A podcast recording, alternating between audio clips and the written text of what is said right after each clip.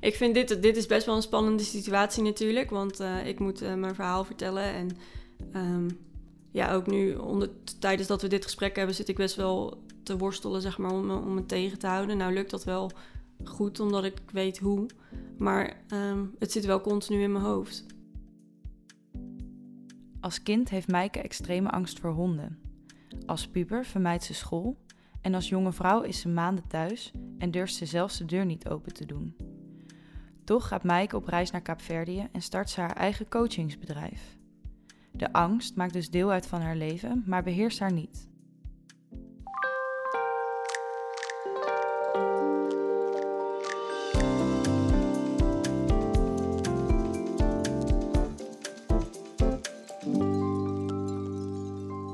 Goedemorgen, Maaike. Fijn dat we in gesprek gaan vandaag.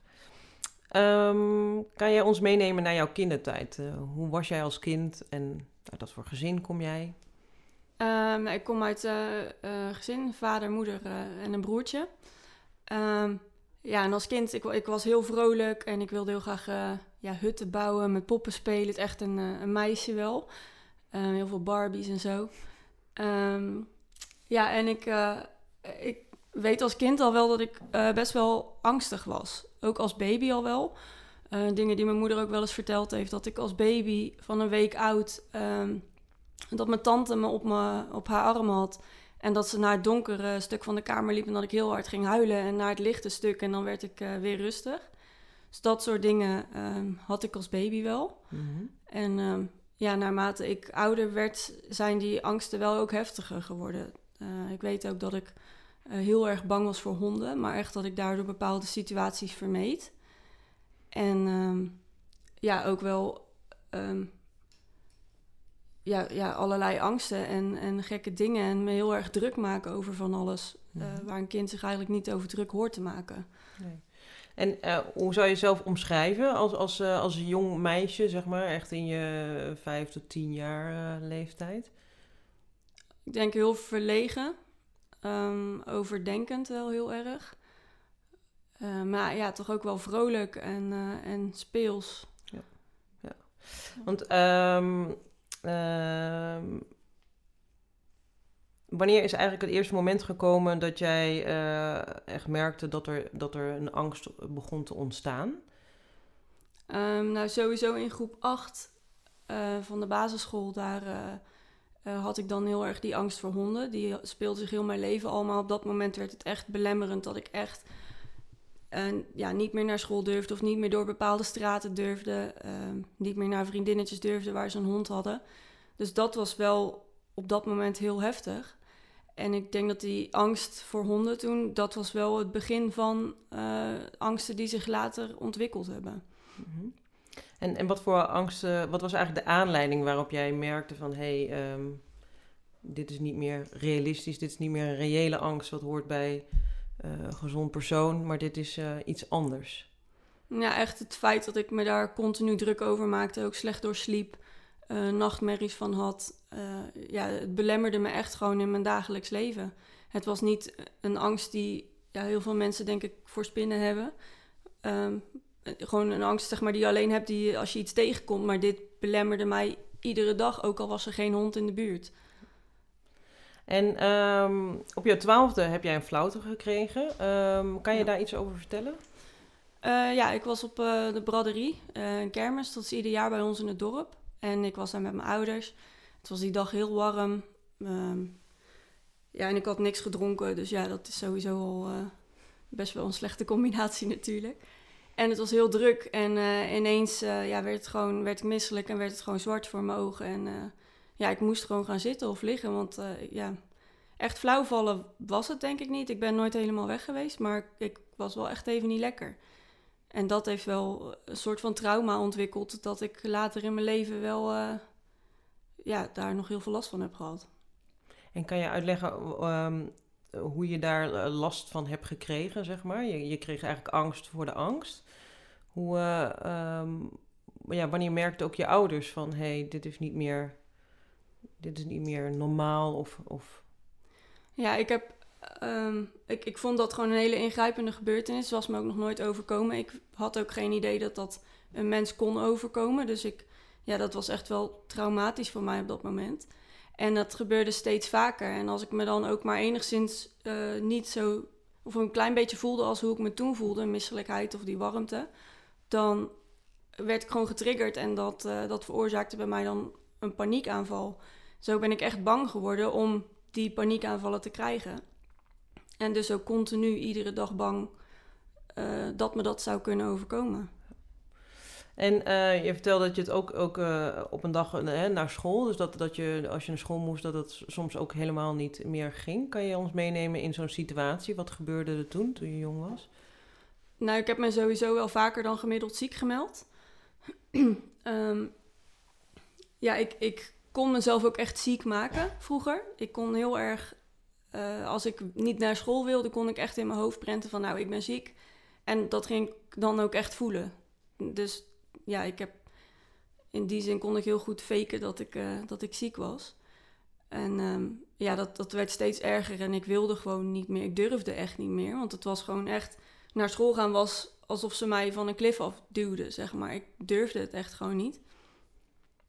Um, ja, en dat heeft zich wel geuit in situaties dat ik huilend bij de voordeur zat. En um, mijn ouders echt wel zeiden van... Ja, maar je, dit kan zo toch niet doorgaan en je moet naar school, want je kan niet thuis blijven. En dan ja, echt, echt schreeuwend en, en ja, helemaal paniekerig. Echt alsof, ik, uh, alsof iemand me wilde vermoorden, zeg maar. Echt zo heftig. Dus ja, uiteindelijk bleef ik dan thuis. En dat gebeurde steeds vaker. En het ging ook, ja, familiefeestjes durfde ik niet meer heen. Ik durfde niet meer naar de winkel. Ik durfde überhaupt de straat niet meer op. Um, ja, en toen was ik 13 jaar, dus dat was best wel, uh, best wel heftig. En toen heb ik ook echt een half jaar thuis gezeten van school. En, en um, uh, kan, je ons meenemen uh, met de gevoelens die daarbij um, bij kwamen? Zeg maar, stel dat je dan zo'n angst had van ik wil niet naar school. wat gebeurde er dan in je lichaam? Kan je, kan je dat duiden? Um, ja, ik denk hyperventilatie sowieso. Heel, heel snel ademen, waardoor ik heel kortadig ademig werd. Um, ja, pure paniek gewoon. Ik denk dat mijn hoofd sloeg gewoon helemaal vast. En er was gewoon geen andere optie dan dat ik die dag niet naar school zou gaan. Ja. Echt uh, huilen, buikpijn, misselijk. Uh, misschien tot ja, bijna overgeven toe wel. Zo graag wilde ik niet gaan. Zo graag wilde je niet, nee. Ja. en um, uh, hoe, hoe reageerden jouw ouders daarop?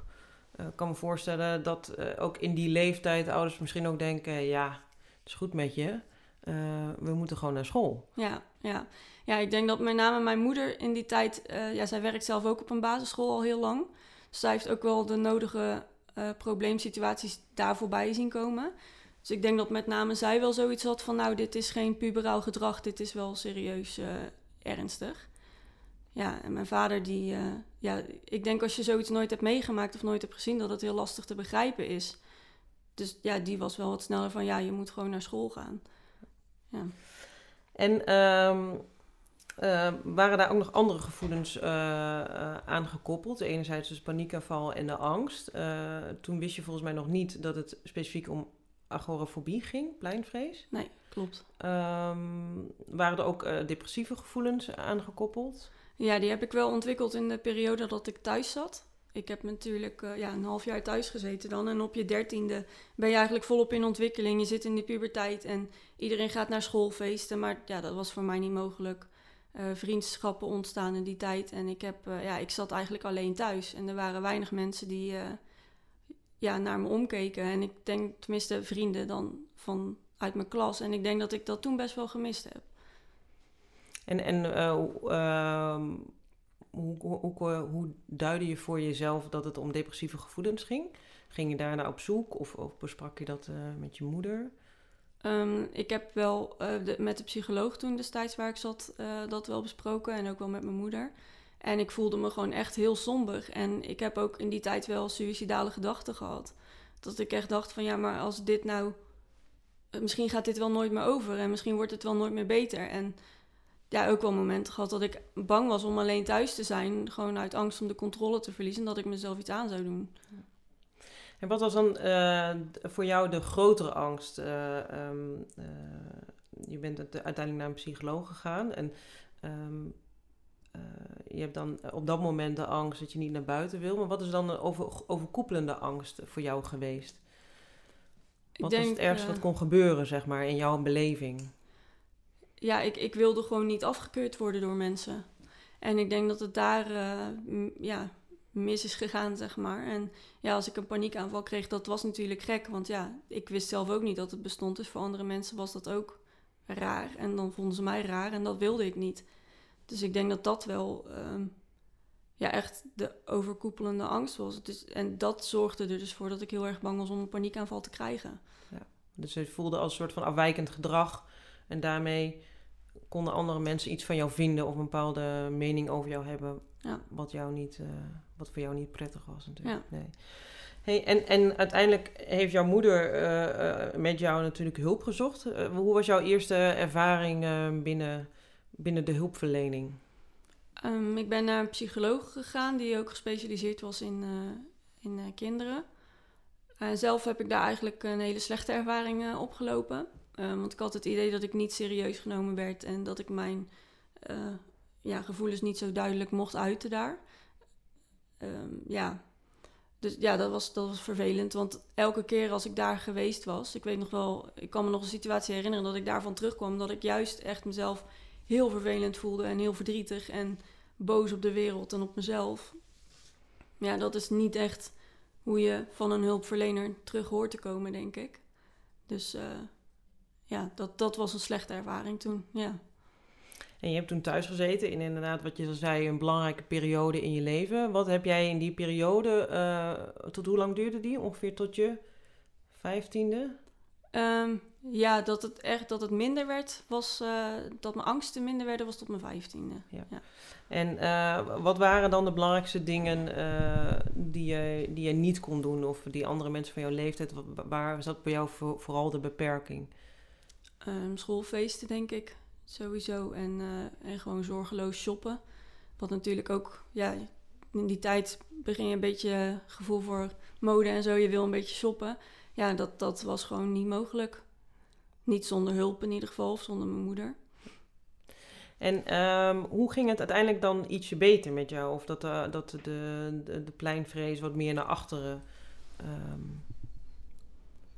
Ik ben naar een Ehm, naar een ontspanningstherapeut gegaan toen, via de fysio. En die heeft me echt leren ontspannen, leren ademen, uh, bepaalde ja, opgekropte emoties zeg maar buiten laten komen. Zodat ik echt uh, een stuk losser van werd. En dat heeft toen wel heel erg geholpen. Daarna was ik er, ja, na mijn vijftiende ben ik er ook echt een paar jaar eigenlijk bijna volledig vanaf geweest. Het zit natuurlijk altijd ergens in je achterhoofd, maar uh, ja, nee, het was toen wel uh, heel erg goed behapbaar. En, en ehm, eh, hoe leefde je dan in die periode? Was je dan, uh, kon je dan weer dingen doen die je daarvoor niet deed? Of, of was het, bleef je nog wel um, uh, dingen vermijden of, of, of situaties niet opzoeken? Ja, het is een soort automatisme denk ik wel geweest dat ik bepaalde situaties niet opzocht. Maar goed, ik ging wel weer naar schoolfeesten en mijn examenperiode heb ik gewoon ook goed af kunnen sluiten. Dat soort dingen gingen gewoon goed. Uh, ja, shoppen ook in die tijd. Het ging gewoon weer. Dus dat was, uh, dat was fijn. Ja, dat uh, heb ik wel kunnen doen toen, ja.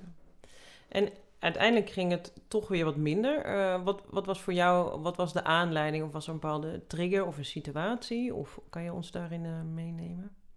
Um, nou, ik denk, ik ben vanuit mijn middelbare school ben ik naar een vervolgopleiding gegaan. En dat was in Rotterdam. Maar ja, ik kom best wel uit een klein dorpje. Dus ehm, ja, Rotterdam was echt een uh, wereldstad voor mij. Heel groot, heel druk, veel mensen. Uh, ja, anderhalf uur in het openbaar vervoer, uh, in de drukke metro en zo. Ja, en dat heeft mij toen wel weer getriggerd om, om verder weer angsten te krijgen. En ik denk ook wel de meningen van mensen in de klas. Want ja, ik ben ook niet zo gewend om zoveel meningen van mensen te krijgen. En mensen in Rotterdam ja, die zijn op, over het algemeen wel direct, zeg maar. En ja, dat was ik gewoon niet gewend. Dus, uh, en, en wat gebeurde er dan bijvoorbeeld? Hè? Je, zoals ik kan me voorstellen, een metro of een, of een, of een, een trein is natuurlijk ook een, een, een ruimte waarin veel mensen zijn. Um, maar ook inderdaad in een klas. Wat, wat, uh, wat gebeurde er dan in jouw lichaam? Of wat, waarin um, uh, ja, voelde je dat, dat je mogelijkwijs deze situatie niet aankon? Ehm, nee, ja, die, die pure paniek die kwam weer terug. Dus dat mijn hoofd blokkeerde, dat ik niet meer zo goed kon nadenken. Ehm, buikpijn, echt weer misselijkheid. Ook weer s'avonds en s ochtends als ik dan naar school moest. Ehm, ja, gewoon heel erg een moeheid. Trillerig, zweterig. Gewoon echt eh, ja, pure angst eigenlijk. En je, je, had in die periode ook een, uh, ook een relatie. Uh, ik kan me voorstellen um, dat als je angsten hebt, dat het ook moeilijk is of ingewikkeld is om een relatie te hebben. Hoe was dat uh, voor jou? Um, ja, bij een relatie horen sociale verplichtingen, maar ook, um, ja, die heeft ook een mening over jou. hoe, hoe ging dat voor jou? ja, dat was wel heel lastig. Het was inderdaad, het was ook mijn eerste relatie. dus ja, ik wist allemaal niet goed hoe dat ging. Dus dat neemt ook al een hoop spanning met zich mee natuurlijk. Uh, ja, en dan voor het eerst naar je schoonouders. En uh, ja, dat zijn allemaal best wel spannende situaties. Ja, dat was, dat was wel, uh, dat heeft me ook wel getriggerd, denk ik. Ook omdat, ja, dan komt het weer terug dat ik gewoon goedgekeurd wil worden. En, en ja, mijn zelfbeeld was op dat moment niet zo dat ik mezelf heel leuk vond. Dus ja, dan wordt, heb je al sowieso het idee dat je sneller wordt afgekeurd. Um, ja, en ik denk dat het voor hem was het ook gewoon heel lastig om het te begrijpen. Omdat ik, uh, ja, hij had zoiets ook nog nooit meegemaakt. En was een beetje ook zo van, stel je niet aan, uh, komt wel weer goed en uh, ga gewoon. Dus ja, dat was wel moeilijk om, om daar steun van te krijgen. En je vertelde als eerder van, hè, ook als er bijvoorbeeld een etentje is of, of als je uit eten moest, dat, dat, dat zijn moeilijke situaties voor jou. Ja. Wat is daarin voor jou de grootste angst of wat gebeurde er dan? Um, ja, uit eten gaan is tot op de dag van vandaag sowieso nog wel uh, uh, een lastig dingetje. Uh, ik denk dat het een beetje te maken heeft met het idee dat ik dan eh, gevangen zit aan tafel. dat je niet zo makkelijk weg kan. Want ja, je moet natuurlijk betalen. Dus je kan niet zeggen van kom, we zijn nu weg. Dat gaat niet. Um, plus het feit dat als er ook maar iets gebeurt in een restaurant, dat mensen dan naar je kijken. Dus als ik een paniekaanval zou krijgen, dan zouden ze naar me kijken en dan ja, dat, dat uh, wilde ik niet. En ja, ook, ik, ik werd gewoon misselijk in een restaurant. Om, omdat ik me al zo druk maakte. En als er dan eten gebracht wordt, dan kon ik het gewoon niet opeten. Ik, ik werd gewoon misselijk. Mijn maag blokkeerde gewoon. Dus ja, dan kan je dat niet opeten. En dan gaan mensen daar ook weer iets van vinden. En ja. hoe, hoe bereidde je daarop voor? Want uh, ja, je, je vermeet het dus bij voorkeur, zeg maar. Maar ja. als dan eh, ja, hoe ga je daar dan, als je weet dat je eigenlijk in het hol van de leeuw moet gaan zitten, zeg maar, hoe, hoe ging je daarmee om? Um, ja, gewoon doen, denk ik. Gewoon proberen om een knop om te zetten en proberen om er niet te veel aan te denken. Uh, oh ja, en ik, ik at dan ook gewoon heel de dag niet, zodat ik s'avonds honger had. Dat ik wel wilde eten, zeg maar. Dat uh, is ook best wel een drastische voorbereiding, maar... Ja. Ja. Dus het waren echt voor jou um, enorme hiccups waar je dus uh, echt weken of ik weet niet, was het dan weken of, of dagen dat je daar dan in je hoofd mee bezig was? Of? Ja. ja, ik denk wel, uh, zodra ik het wist, zeg maar, dan was ik er in mijn hoofd mee bezig. Ja. Al was dat maanden van tevoren, dan, uh, dan zat ik daar al mee in mijn hoofd. En ik heb ook heel erg van tevoren altijd restaurants opgezocht op internet en gekeken hoe dat eruit zag. En als ik zelf de optie had om te reserveren, dan vroeg ik of dat we een tafel in een hoekje mochten omdat we dan, uh, ja, dan voel ik me veiliger, dan heb ik het overzicht en dan uh, zit je niet zo midden in de picture, zeg maar. Ja, ja kan jij uh, aangeven hoe vaak je een paniekaanval had en, en ook met zulke voorbereidingen en, en zoveel spanning, hoe, um, ja, hoe frequent had het invloed op jouw leven? Een echte paniekaanval had ik misschien één keer per maand, één keer in twee maanden. Dat was niet zo heel veel, maar ik had wel continu dat ik er heel erg tegenaan zat.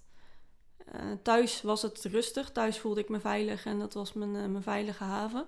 Maar zodra er iemand op bezoek kwam of uh, ik moest ergens heen, dan schoot die paniek gelijk door het dak. En dan zat ik niet, dan, ik kon mezelf heel goed beheersen, zeg maar, om het niet door te laten zetten, maar het zat er wel continu tegenaan. Ja, dus je leefde best wel op een hoge frequentie, die dan of meteen in het rood schoot, zeg maar. ja. ja ja. En uh, had je ook andere fysieke klachten die, um, die ook met die angst en stress te maken hadden? Ja, ik heb heel erg last gehad van mijn darmen. En nog is dat wel een zwakke plek. Maar Ehm, ja, ook in de, in de puberteit, dan die eerste periode dat ik last had van angst. Eh, ja, wat, had ik wel heel erg last van. Daarvan ben ik ook bij een kinderarts geweest, eh, van allerlei onderzoeken gehad, medicijnen. Maar ik denk dat het uiteindelijk allemaal, nu ik er nu op terugkijk, allemaal terug te herleiden was van spanning. Gewoon te veel spanning op mijn, eh, op mijn lichaam. En je zei, je, je, huis is je veilige haven. Daar had je de minste prikkels en de minste risico's voor jou. Um, had je nog andere bakens of, of personen die, die uh, jouw steun waren in die tijd, buiten jouw toenmalige vriend? Ja, mijn moeder, denk ik. Mijn moeder is altijd, uh, vanaf begin af aan dat ik angsten begon te ontwikkelen, die is er altijd geweest. Die kon ik altijd bellen als er iets was. Um, en zodra ze kon, dan stond ze er ook meteen. Dus dat is wel, die heeft me echt heel erg gesteund daarin. En hoe werkte dat dan? Want je was dan thuis en uh, um, woon je in die periode woon je niet meer thuis? Of, of woon je toen nog wel? Ja, een beetje 50-50, zeg maar. Half bij mijn vriend en half bij mijn moeder op dat moment. En op het moment dat je zo'n gevoel had van... hé, hey, uh, dit gaat niet goed, wat, wat deed je dan? Wat, wat gebeurde er dan? Nou, dan had ik eerst altijd nog wel... Uh, ik had zelf wel tools aangeleerd om, het, om mezelf rustiger te maken... Maar als het echt niet goed ging of ik was in een bepaalde situatie en ik was alleen, dan belde ik wel mijn moeder. Ja, of, of ja, whatsappen of... En wat, wat, wat, deed zij dan of wat kon zij, voor, wat kon zij doen waardoor jij kalmeerde of waardoor jij dan rustig werd? Um, ja, ik denk gewoon dat de stem van je moeder al heel veel doet. Um, dat je daar al heel erg, uh, voelde ik me heel erg doorgesteund.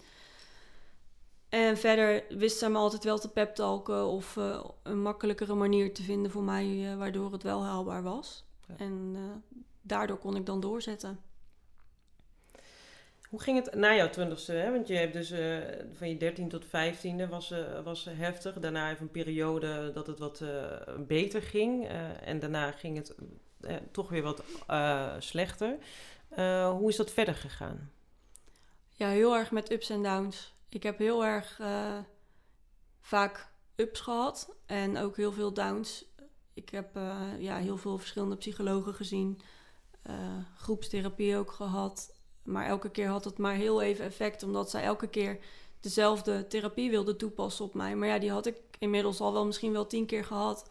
Dus ik kon daar een beetje doorheen praten en ik kon daar heel erg, ik kon heel erg zeggen wat zij wilde horen, zodat ik er snel, zelf maar zo snel mogelijk vanaf was. Mhm. Dus um, ja, nu denk ik, had ik dat maar niet gedaan. dat is een beetje stom natuurlijk. Maar goed, ja, op dat moment, ja, je wil daar helemaal niet zijn bij zo'n psycholoog. Ja, vanaf je twintigste ging het daarna met ups en downs uh, uh, dan wel goed en dan wel minder goed. Um, um, waren daar ook nog steeds die depressieve gevoelens ook um, aangekoppeld? Nee, toen niet denk wel dat er altijd wel een stukje somberheid is blijven hangen. Maar ik voelde me op dat moment niet uh, over het algemeen somber of, of depressief. En je zei, ik heb heel veel uh, therapieën gehad, vaak met dezelfde methodiek die niet hebben geholpen. Of soms wel, je hebt er misschien wel iets van meegepikt. Um, had je ook medicatie? nee. Nee, ik heb dat bewust altijd afgehouden. Ze hebben het me wel aangeraden, maar ik... Um, ik wilde niet onder invloed zijn van medicijnen, zeg maar. Ik had het ooit eerder zelf ook overwonnen. Dus ik had het idee van, nou, dat, dat kan ik nu zelf ook alweer op eigen kracht. Uh, ik heb wel in een latere periode dat ik er wel heel erg last van had, heb ik wel medicijnen gekregen. Maar dat was echt meer voor, het, ja, voor echte stressmomenten. Dus als ik het echt niet zou trekken, dan zou ik die mogen innemen. En was, waren dat kalmeringstabletten of wat, wat, wat waren dat? Uh, ja, oxazepam was het. Oh ja. Dus kalmerings Ontspannend, ja. Voor ja. dat moment, ja. ja. Uiteindelijk ben je in een slechte periode terechtgekomen met een, met een burn-out ook.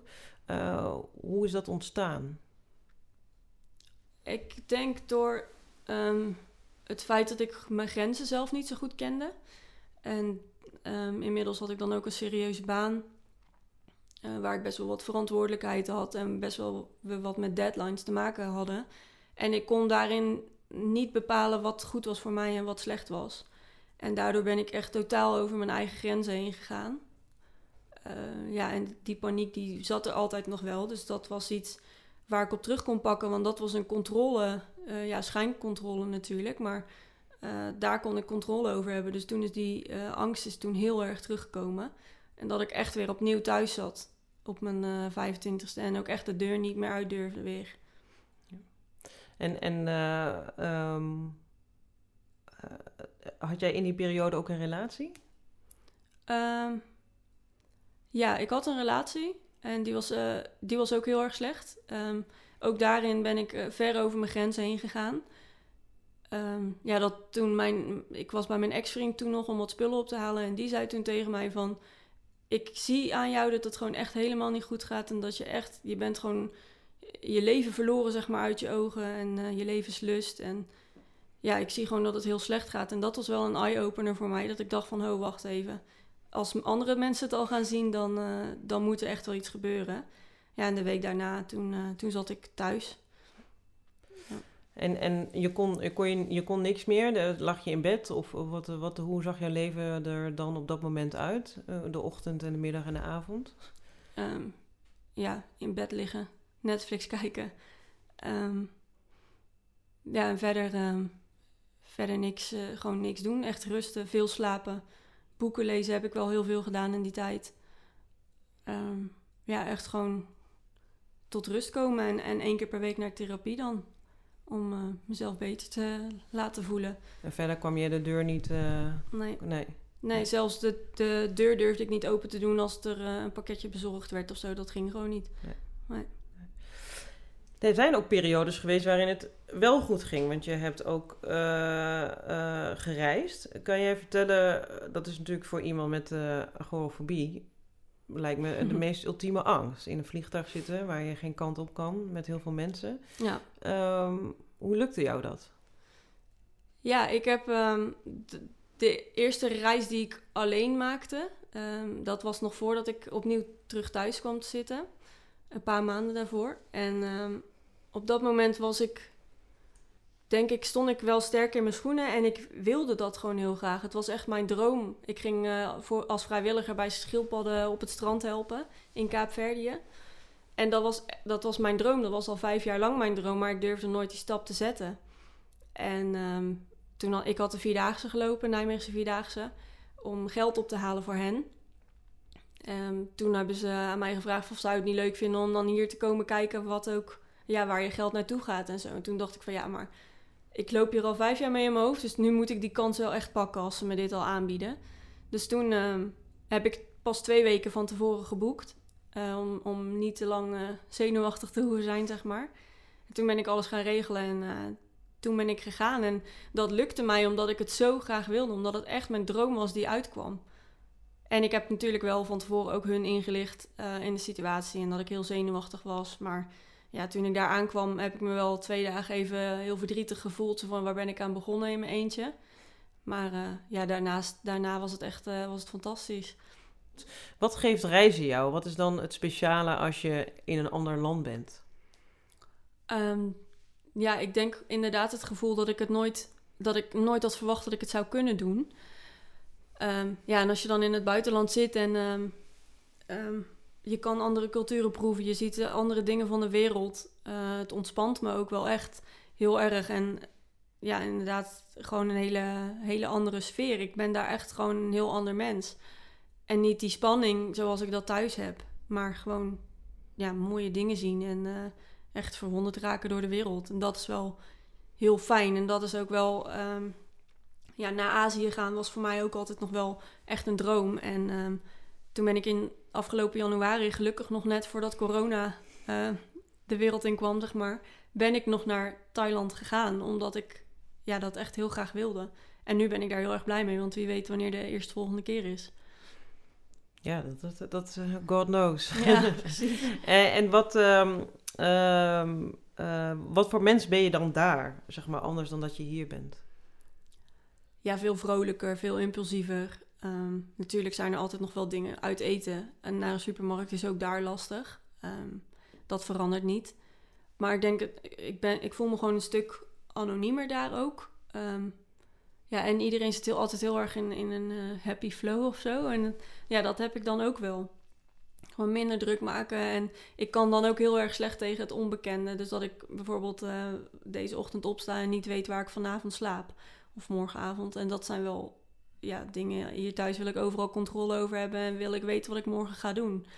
Dus dat kan ik wel echt loslaten. Veel impulsiever, denk ik. Ja, en, en dus inderdaad wat je zei, het anonieme. Dus mensen, er zijn niet zoveel mensen die iets van je kunnen vinden. Of in ieder geval niet mensen die, uh, die je potentieel kent. Of, uh, nee, precies. En ik hoor de Vierdaagse. Uh, dat zijn heel veel mensen bij elkaar. Ja, ja.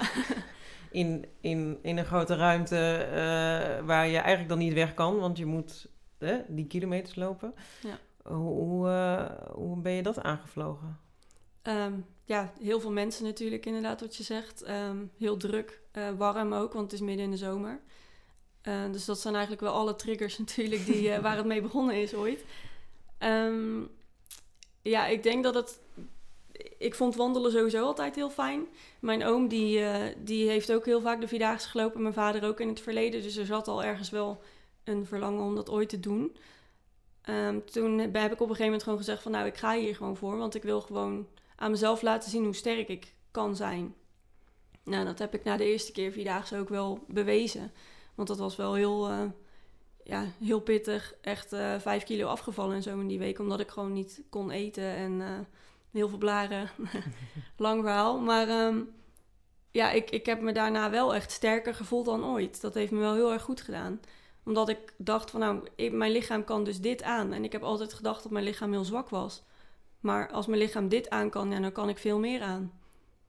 En, en wat, um, want uh, hoe komt dan het moment dat je dan die vierdaagse, dat je dan in je hoofd haalt uh, met pleinvrees om, om uh, de vierdaagse te doen? Hoe is dat, hoe is dat gegaan? Zei iemand, hey, kom, doe eens gek, face your fears en, en doe de vierdaagse? Of, of? Nee, nee, dat is echt een idee wat ik zelf heb gekregen. Um, het jaar voordat ik hem liep, waren we aan het kijken toen mijn oom hem liep. En um, ja, ik, ik dacht van, nou, ik wil hier gewoon een keer aan meedoen. Dat wil ik gewoon doen. En dat is een beetje hetzelfde, denk ik, als wat ik met mijn reis naar Kaapverdië had. Gewoon uh, die droom om dat te doen. En dan, uh, ja, dan wil ik ook alles in werk stellen om het, om het haalbaar te maken. Dus een soort hoger doel kan jou over die angst, of nou ja, die angst is er dan nog wel, maar daar ga je dan mee om op dat, op dat moment. Of je regelt het zo dat je er zo min mogelijk daar last van hebt. Ja. Dan, dan lukt het je toch om, om de dingen te doen die je echt graag wilde doen. Ja, ja. ja dat wordt dan um, opzij geschoven. Het ja. verdwijnt heel erg naar de achtergrond. Ja. En um, Um, nou ja, dat was eigenlijk dus voordat jij daarna in een weer wat slechtere periode kwam. En je, hè, een andere baan, een relatie die uitging, maar ook uh, naar Capverdië geweest en terugkomen in het donkere Nederland. Ja. Um, hoe voelde dat dan voor jou als je dan toch een beetje gevoeld hebt aan de vrijheid en de onbezorgdheid en dan toch weer um, ja, eindigen thuis op de bank niks meer kunnen? Ja, dat was heel zwaar dat was, uh, dat was heel pittig. Want in Kaapverdië had ik daar... Ja, ik sliep op het strand twee weken lang. Ik had daar letterlijk niks. Um, ja, en je gaat zo terug... Ja, back to basic. Het was echt douchen met een emmer en geen wc en zo. Het was echt uh, heel weinig. En, uh, en echt genieten, want die kleine schildpadjes en op het strand en het vrijlaten dat je ze in de zee ziet gaan en zo, ja, dat was echt fantastisch. En toen kwam ik terug en toen was het wel echt even van terug naar de realiteit en, en de stress die hier in Nederland heerst. En ja, mijn relatie dan toen ook. Ja, en, en dat heeft zich heel erg opgehoopt, denk ik. Dat contrast was gewoon veel te groot, waardoor ik een paar maanden later echt inderdaad in mijn eentje weer thuis zat. Ja, en dat was wel heel erg, uh, heel erg pittig toen om dat zo te ervaren. Zo van, ja, oké, okay, nou heb ik zo'n mooie reis gemaakt en nou moet ik weer terug naar dit. Ja. Wat ik een aantal jaar geleden ook gehad heb ja, toen ben ik ook wel weer terug in een depressie geraakt. Omdat ik, ja, ik, ik wilde gewoon eigenlijk niet meer op dat moment. Want ik dacht, nou, als dit zo heel mijn leven blijft gaan, dan uh, heb ik daar helemaal geen zin in. En um, daar ben je toch weer uitgekomen. Ja. En hoe heb je dat gedaan? Um, nou, ik denk dat ik ook wel heel erg aan mijn moeder hing ook in die tijd. Een klein beetje onvolwassen, zeg maar. En dat ik het daarom ook wel lastig vond om mijn eigen keuzes te maken, voor mezelf in te staan. Toen heb ik in de tijd dat ik thuis zat, heb ik een eh, appartement gekregen, toegewezen gekregen. En daar ben ik toen gaan wonen. En vanaf dat moment eh, heb ik me wel veel zelfstandiger gevoeld. En veel ehm, ja, volwassener eigenlijk. Echt Dat ik echt een leven ging opbouwen. En dat ik echt weer ja, letterlijk iets ging opbouwen, zeg maar. En niet weer elke keer terug naar mijn moeder ging. Ja, en toen ben ik ook mijn huidige vriend dan tegengekomen. En die heeft ook wel heel erg voor gezorgd dat ik me nu... eh, ja, dat ik, dat ik nu weer ben wie ik ben, zeg maar. Dat ik nu eh, sterk in mijn schoenen sta. Dus je hebt, en, en heb je nog andere, had je nog therapieën of eh, eh, andere hulpmiddelen om, om weer uit dat dal te komen? Ja, ik heb... ehm, ehm, even denken hoor, sinds 2016 al denk ik, dus dat is nu vier jaar... dat ik eh, bij een haptotherapeut zit. En die helpt me ook heel erg om te ontspannen... en die ademhalingsoefeningen, net als wat ik vroeger heb gehad eigenlijk. En ook heel erg... ehm, ja, een beetje mindfulness, zeg maar. Een beetje terug naar nu en... eh, ja, gewoon terug naar je gevoel van wat voel je nu daadwerkelijk en klopt dat met je gedachten? En nou, 9 van de 10 keer zijn je gedachten automatisme of, eh, of overdreven. En klopt dat niet met wat je daadwerkelijk voelt. En dat is wel echt eh, een eye-opener voor mij geweest ook. Ja. En want hoe heeft dat jou dat geholpen op het moment dat je je slecht voelde of dat je een trigger voelde? Ehm, ja, dat ik, dat ik echt wel ging voelen in mijn lijf van oké, maar deze trigger die bestaat nu, maar komt die uit, eh, komt die voort uit automatisme, uit een, een gedachte die ik vroeger had? Of is het nu daadwerkelijk zo eng wat ik nu voel? Dat heeft me wel heel erg geholpen. En ook het feit dat het heel confronterend was, want een psycholoog, daar kon ik altijd dingen tegen zeggen en die werden dan ehm, aangenomen, zeg maar. Maar hij keek gewoon dwars door me heen en hij dacht van, eh, wat je nu zegt is niet waar. En dat werd ook gewoon gezegd. En ja, dat was niet altijd even leuk, maar wel, eh, is wel denk ik heel erg eh, doorslaggevend geweest. Ja, je had, kon niet meer dat masker opzetten. Nee. Ehm, hij, eh, hij prikte daardoor heen. En daardoor moest je natuurlijk ook dat schild laten vallen. Precies. Ehm, wat, wat zijn, dat gaat nu een stuk beter met je. Ehm, je woont samen, je hebt een fijne vriend. Wat zijn voor jou nu eh, nog dingen die een stap te ver zijn? Wat vind jij op dit moment in het dagelijks leven nog lastige dingen eh, die je liever niet aangaat of hè, waar dan er toch eh, angst rondom hangt? Ehm, nou ja, net als nu. ik vind dit, dit is best wel een spannende situatie natuurlijk. Want ik moet mijn verhaal vertellen. En ehm, ja, ook nu onder, tijdens dat we dit gesprek hebben... zit ik best wel te worstelen, zeg maar, om, me- om het tegen te houden. Nou lukt dat wel goed, omdat ik weet hoe. Maar ehm, het zit wel continu in mijn hoofd. Van als ik maar geen paniekaanval krijg. Ehm, ja, en dat heb ik wel vaker met het geven van trainingen of... eh, dat soort dingen zijn gewoon heel spannend. En uit eten gaan blijft nog steeds een ding. eh, naar verjaardagen gaan.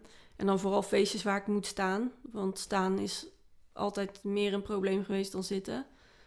Eh, supermarkt bijvoorbeeld. Daar ga ik ook echt alleen maar heen als het rustig is. Dus het liefst op vrijdagavond of eh, zondagochtend heel vroeg. Omdat er dan eh, niemand is. Dus je plant het echt, je bent daar echt bewust mee bezig. Ik ga niet, eh, oh, ik heb iets nodig. Je gaat niet denken, oh, ik heb mis mijn rijst. Ik ga nog even naar de supermarkt.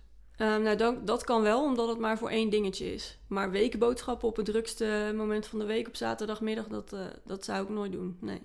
Want wat, ge- wat gebeurt er dan in jouw hoofd? Wat, wat... Ehm, ja, dan, dan is het druk en warm en dan ben ik bang dat ik niet... ehm, je kan in een supermarkt niet zomaar weg natuurlijk. Je bent door een poortje binnengekomen en je moet door een kassa naar buiten. En als daar een hele lange rij staat, en zeker nu, je moet anderhalve meter afstand houden, ja, dan, eh, dan kun je niet zomaar langs al die mensen heen lopen om weer naar buiten te gaan. En ik ben dan ook opnieuw weer bang voor wat mensen van me vinden als ik daar midden in een gangpad eh, in elkaar zak. Ja. En in de, want ik, wat ik zo eh, eh, ook interessant vond dat je e- eerder vertelde, is dat bijvoorbeeld naar een festival gaan, daar heb je dat minder. Ja. Kan je, kan je uitleggen, hè? in mijn beleving denk ik, nou, daar zijn veel meer mensen, dat moet helemaal aanvliegen. Ehm, en toch is voor jou een supermarkt ehm, enger dan, dan naar een festival gaan. ja. Kan je, kan je ons uitleggen wat dat dan is? Ehm, ik denk dat je op een festival is het zodanig druk dat je anoniem bent. En dat, ehm, ja, er zijn natuurlijk wel vaker mensen die op een festival niet lekker worden of zo. En als ik dan even aan de kant moet gaan zitten, dan ben ik maar een van de zoveel die dat ooit gehad heeft. En ja, ik denk dat mensen daar niet echt ervan opkijken als dat voorkomt. En in de supermarkt is dat natuurlijk wel heel erg. Een familiefeestje of dat soort dingen. Ehm, ja, dus dat maakt dan wel het verschil voor mij. Ik vind het nog steeds spannend, maar ik, het is minder eng dan boodschappen doen op zaterdagmiddag. En, en, en het is dus ook dan, eh, wat je al eerder zei met, met de familiefeestje, de mogelijkheid dat je niet kan zitten. Dus dat je niet, dat je mogelijk door je benen zakt. Dat, dat, dat uh, is dus blijkbaar ook een belangrijk component voor jou om, om afweging te maken. Ga ik naar een feestje of ga ik naar de supermarkt of, of niet? Ja, ja. ja. ja en ik heb nu inmiddels wel geleerd dat ik... Um, um, ik zoek altijd wel naar oplossingen, zeg maar, van hoe kan ik het wel doen. En ik heb inmiddels wel geleerd dat ik dan maar gewoon moet vragen om een barkruk of uh, desnoods zelf meenemen. Dat, ja, dat je gewoon kunt zitten aan een staattafel. En dat, dat maakt voor mij wel het verschil. Dan kan ik het gewoon goed volhouden. En dan is het gewoon gezellig, heb ik die spanning niet. Maar als ik moet staan aan een tafel, dan, uh, ja, dan heb je best wel kans dat ik gewoon gesprekken niet meekrijg. Omdat ik zo erg in mijn hoofd bezig ben met, met overleven eigenlijk op dat moment. Ja. Dus, je, dus het echt lukt jou heel lastig om in het hier en nu op dat moment te zijn. Omdat er allerlei gedachten in je hoofd zijn die het overnemen. En, en die angst voor wat als... uh, ja, wat als ik een paniekaanval krijg, wat als ik hier op de grond val. En dat, ja. ja. ja. Waar ben je, um, nou ja, je, je, zei al eerder, je hebt best wel wat ook gemist. Uh, je hebt ook heel veel ingehaald. Uh, vroeger de winkelen en, en, en nou, wat je dan met vriendinnen doet. Um, feestjes, uitgaan. dat, daar heb je natuurlijk een gedeelte van gemist. Um, hoe, hoe kijk je daarop terug? Hoe kijk je ook vanuit hoe je nu bent terug op, op jouw puberteit? Ik denk dat ik in mijn puberteit heel erg snel volwassen ben geworden. Dat ik echt uh, ja, me druk maakte, ineens druk moest maken om dingen waar andere mensen zich helemaal niet druk over hebben gemaakt. En ik begon ook echt pas op mijn twintigste met, uh, met stappen. Dat het echt, uh, zoals andere mensen dat misschien al op hun zestiende deden. Dus dat vind ik wel jammer dat ik dat soort dingen gemist heb. Aan de andere kant um, heb ik wel heel veel over mezelf geleerd inmiddels. Maar ik had wel liever gehad dat ik wat losser had kunnen leven. Ja.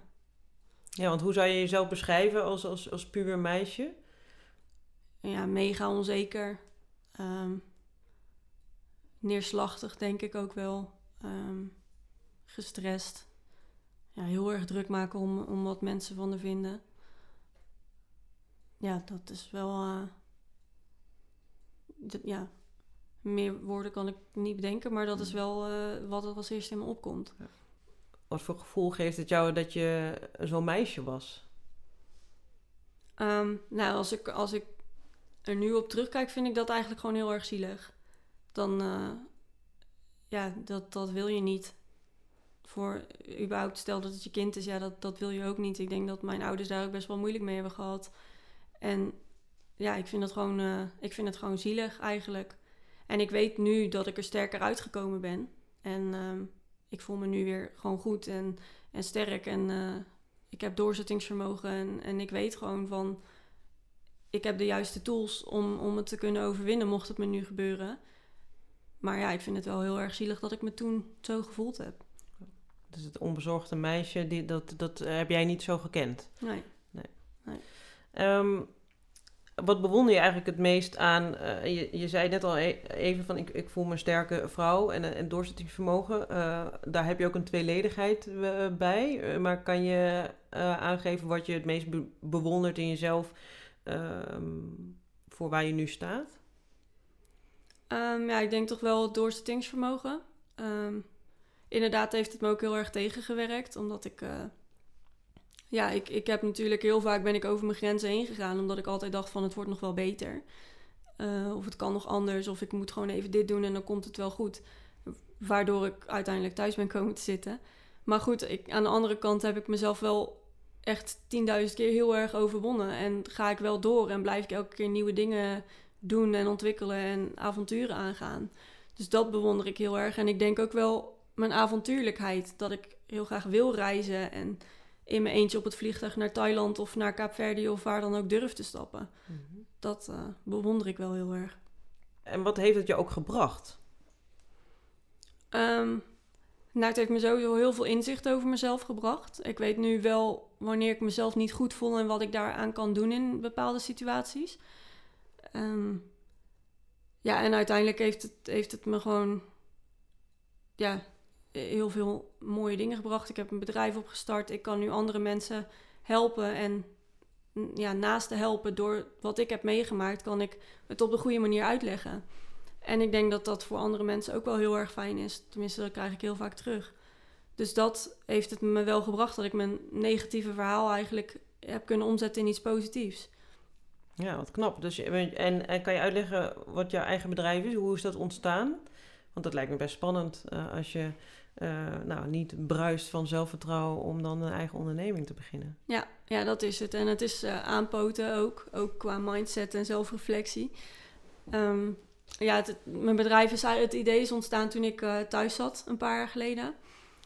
Toen um, ben ik webinars gaan volgen en zo. En ik, ik werd steeds meer geïnteresseerd in die in, ja, mentale ontwikkeling, zeg maar, persoonlijke ontwikkeling.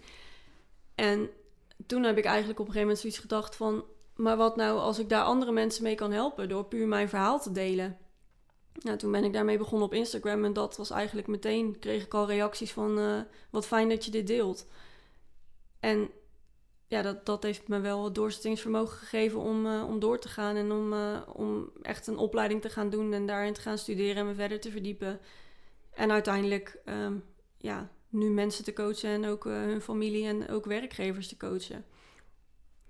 En, en um, je zegt, je, je coacht mensen die dus ook een angststoornis hebben of, of, een soort gelijke ervaringen hebben. maar je zegt ook bedrijven en, en en mensen omheen, waar, uh, wat coach je hen dan? Um, ja, ik help hen gewoon in het, um, in het, het coachen eigenlijk van een werknemer of van een familielid of een vriend of vriendin. Omdat ik zelf heel erg gemist heb dat mensen mij begrepen. Dat heb ik gemist in, bij zowel werkgevers als, als in familie als in relaties. Dat ik me gewoon niet begrepen heb gevoeld. En ik denk als ik die steun wel had gehad en op de juiste manier, dat ik dan in veel mindere mate last had gehad van mijn angsten. Dus ik vind het heel belangrijk om die boodschap juist naar hen ook over te brengen. En gewoon uit te leggen van wat gaat er in iemand om? Wat kun je eraan doen? Hoe kun je iemand helpen? Zodat juist ook mensen met een angststoornis er veel minder last van kunnen hebben en sneller bij iemand terecht kunnen. Want merk je ook dat jouw contact, jouw baken was altijd jouw moeder, merk je ook dat het contact met jouw moeder uh, uh, veranderd is door de tijd heen? Vroeger had je echt nodig, was ze jouw, uh, ja, echt jouw steun. Um, maar ook degene, de enige bijna die jou daaruit kon halen. Je zei ook een beetje een afhankelijkheid speelde daarbij. ook misschien door hen, door je ouders goed ge ehm, ja, gezien worden of, of niet afgewezen te worden. Um, hoe is die verhouding veranderd door de tijd heen?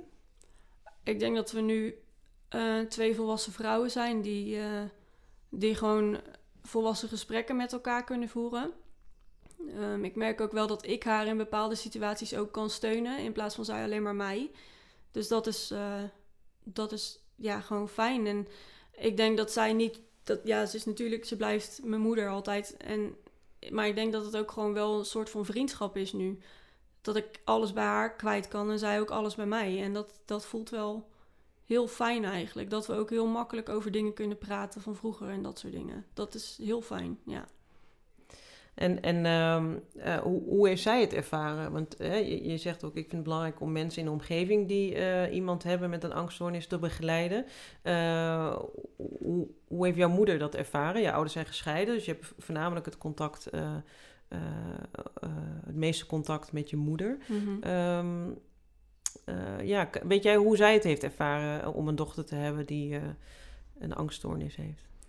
Ja, ik weet dat zij het wel heel, uh, heel pittig heeft gevonden. Ook heel moeilijk. Um, ja, je weet natuurlijk niet uh, wat er in mijn koppie... Dat heeft zij nooit geweten wat er in mijn koppie omging. Ehm, ja, en ik denk dat, dat zij dat ook wel heel erg moeilijk heeft gevonden en heel erg zoekende is geweest. En ook verdrietig daarom is geweest. Van, ja, wat, wat moet je doen? Wat is de volgende stap? Wat als deze therapie ook niet aanslaat?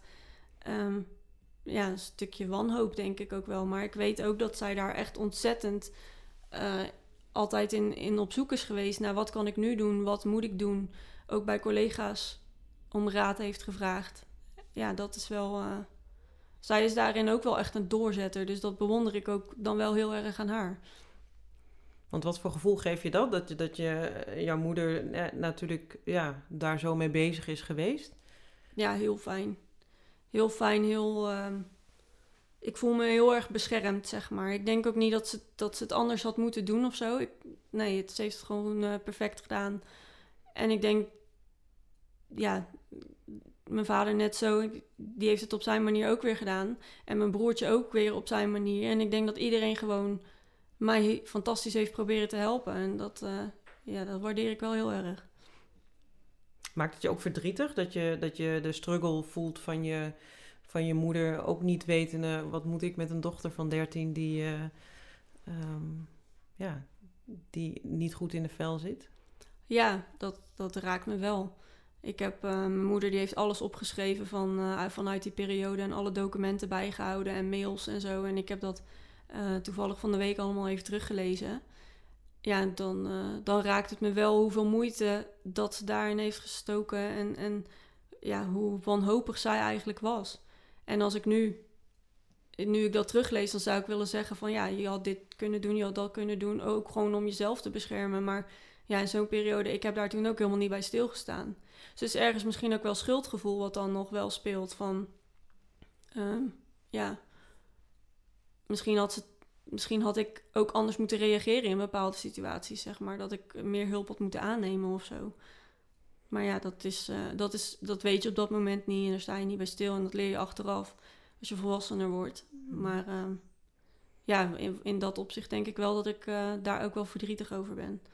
Nou ja, een, een, hele familie is daarmee bezig. Dus daarom denk ik ook inderdaad wat je zegt. Het is belangrijk dat, dat de hele familie um, weet hoe je hiermee om moet gaan. En dat, dat kan je natuurlijk ook goed gebruiken nu uh, bij het begeleiden van anderen. Ja, dat ja. kan je natuurlijk niet goed zien hoe de omgeving daar uh, mee om moet gaan. Of hoe jij beter moet, uh, een voorbeeldige dochter moet zijn. Zie je jouw toekomst? Je bent 27, je hebt je eigen bedrijf nu gestart. Waar, waar, wat, wat ligt er in het verschiet? Of, of um, probeer je juist daar niet veel aan te denken? Maakt dat het eng? Um, de toekomst is altijd wel spannend. Um, ik probeer me daar ook heel erg uh, inderdaad niet te veel te druk over te maken. Maar dat hoort er wel een beetje bij, denk ik, bij uh, de angststoornis. Maar goed, ik, uh, ik heb wel heel veel zin in de toekomst. En ik, ik wil ook echt wel dingen ondernemen. Ik heb allemaal allerlei plannen en zo die ik graag wil doen.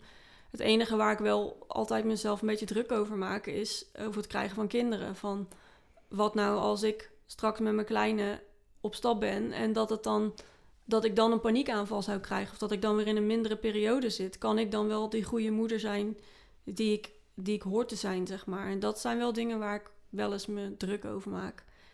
Maar goed, ja, aan de andere kant, uh, wellicht is zo'n kleine ook hartstikke leuke afleiding en ben je er dan helemaal niet mee bezig. Dus ik probeer dat echt zoveel mogelijk los te laten, maar het zit wel ergens in mijn achterhoofd.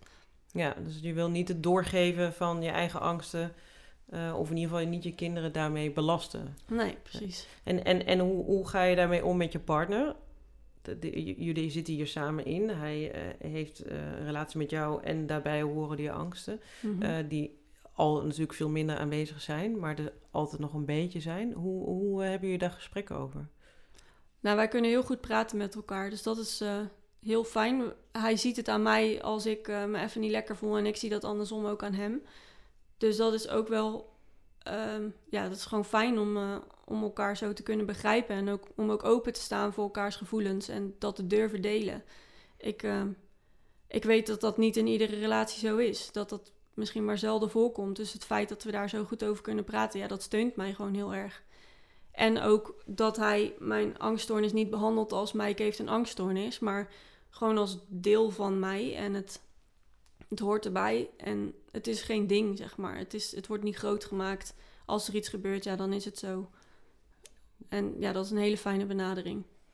Wat zijn de, de lastigste dingen in, in een relatie in het algemeen en eh, ook in, in jullie relatie nu? Zeg maar, wat zijn dingen die jij, uh, ja, wat jij lastig vindt in, een relatie? Um, poeh. Ja, op dit moment heb ik dat eigenlijk niet zoveel dat ik echt iets lastig vind. Dat kan ook zijn door, door corona nu natuurlijk. We kunnen niet zoveel ergens heen. Dus dat maakt mij heel rustig.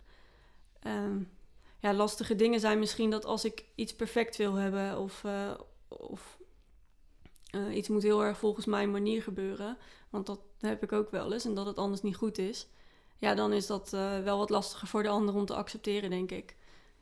Maar echt lastig, lastig, ja, dan, dan praten we daar weer over. Want we hebben eigenlijk nooit ook echt ruzie, dus dat is ook heel fijn. Het is gewoon elkaar serieus nemen en behandelen als volwassen mensen en elkaar respecteren, denk ik. Dat is heel fijn. Zou je, zou jij zeggen dat je, um, dat je een beetje angstenvrij bent of angststoornisvrij bent? Ja, ik denk voor 90% wel. Uh, er, zit natuurlijk, er zijn nog heel veel automatische gedachten. En ik denk dat die automatische, automatische gedachten ook wel heel erg um, het idee in mijn hoofd bepalen dat ik er nog last van heb. Net als naar de supermarkt gaan. Als ik in de supermarkt ben, dan ben ik al heel lang niet meer bang geweest voordat ik een paniekaanval zou krijgen. Maar als, elke keer als ik naar de supermarkt toe ga, ja, dan komt er wel een gedachte in me op van uh, ik moet zenuwachtig zijn, want straks krijg ik een paniekaanval. Dus dat zijn wel, uh, wel bepalende dingen nu nog, ja. Dus er is nog een klein restje, 10% die... Uh, maar dan zou je kunnen zeggen, het overgrote deel... Het is dan lastig om dat los te laten dan ook bijna. Is het soort, omdat het gewoon zo eigen is geworden dat je angstig bent, dat het bijna uh, onveilig voelt om, om iets wat onveilig is los te laten. Ja. ja, 15 jaar lang is dat mijn controlebaken geweest, zeg maar. Heb ik daar mijn controle altijd op teruggepakt als ik die verloor. En ja, het is, het is misschien wel moeilijk om dat los te laten. En ook heb ik nu heel vaak situaties dat ik dus geen angst meer voel. En dan, denk, dan voel ik een soort van leegte. Zo van waar is het nu? Wat, er moet terug angst komen, want anders is het niet goed. Terwijl het is juist natuurlijk heel goed als die angst er niet is. Maar dat is ja, gewoon automatisme, denk ik. Dat zit er gewoon nog in en dat moet ik echt los gaan laten. Ja, ja het paradoxale van de angst. Dat je het eigenlijk nu niet meer hebt. En uh, um, dat je dan daar eigenlijk een beetje bang van wordt. Van hé, hey, ho, waar is mijn jasje van angst die ik altijd bij me heb? Ja, ja precies. Nee. Wat zou jij andere mensen die ook met angsten te maken hebben uh, kunnen meegeven vanuit jouw ervaring? Ik zou willen zeggen, uh, stop met vechten tegen de angst. Laat het er gewoon zijn. Accepteer dat het er is. Um, dat is makkelijker gezegd dan gedaan, maar dat is denk ik wel de oplossing. Althans bij mij en ook bij meerdere mensen al zo gebleken. Um, want hoe meer je aandacht, hoe, meer je je focust op angst en het er niet mogen zijn, ja, hoe groter dat dat stukje wordt. En als je dat kunt loslaten en je kan focussen op je dromen en doelen in het leven en uh, wat er allemaal mogelijk is en, en je gaat mogelijkheden zien, ja, dan, uh, dan verdwijnt die angst gewoon naar de achtergrond als je dat, uh, als je dat doet. En dat is echt wat mij geholpen heeft, waardoor ik er, waardoor ik er nu voor 90% vanaf ben. En, en, en de omgeving, wat, wat zou je hen kunnen adviseren hoe, hoe om te gaan met iemand die te maken heeft met angsten? Um, sta open voor gesprekken. Um, concludeer niet te snel. Dus voor, ja, gewoon echt uh, luisteren naar wat iemand zegt. En daarin niet gelijk conclusies trekken over hoe diegene zich voelt. Maar gewoon blijf doorvragen en blijf dieper doorvragen. En ik denk dat dat al heel erg fijn is voor mensen die die niet open durven zijn, zeg maar. Dat ze zich echt gehoord voelen en begrepen voelen. Ik denk dat dat heel erg belangrijk is. Oké. Okay. Dankjewel, Maaike, voor uh, fijne gesprek. Graag gedaan.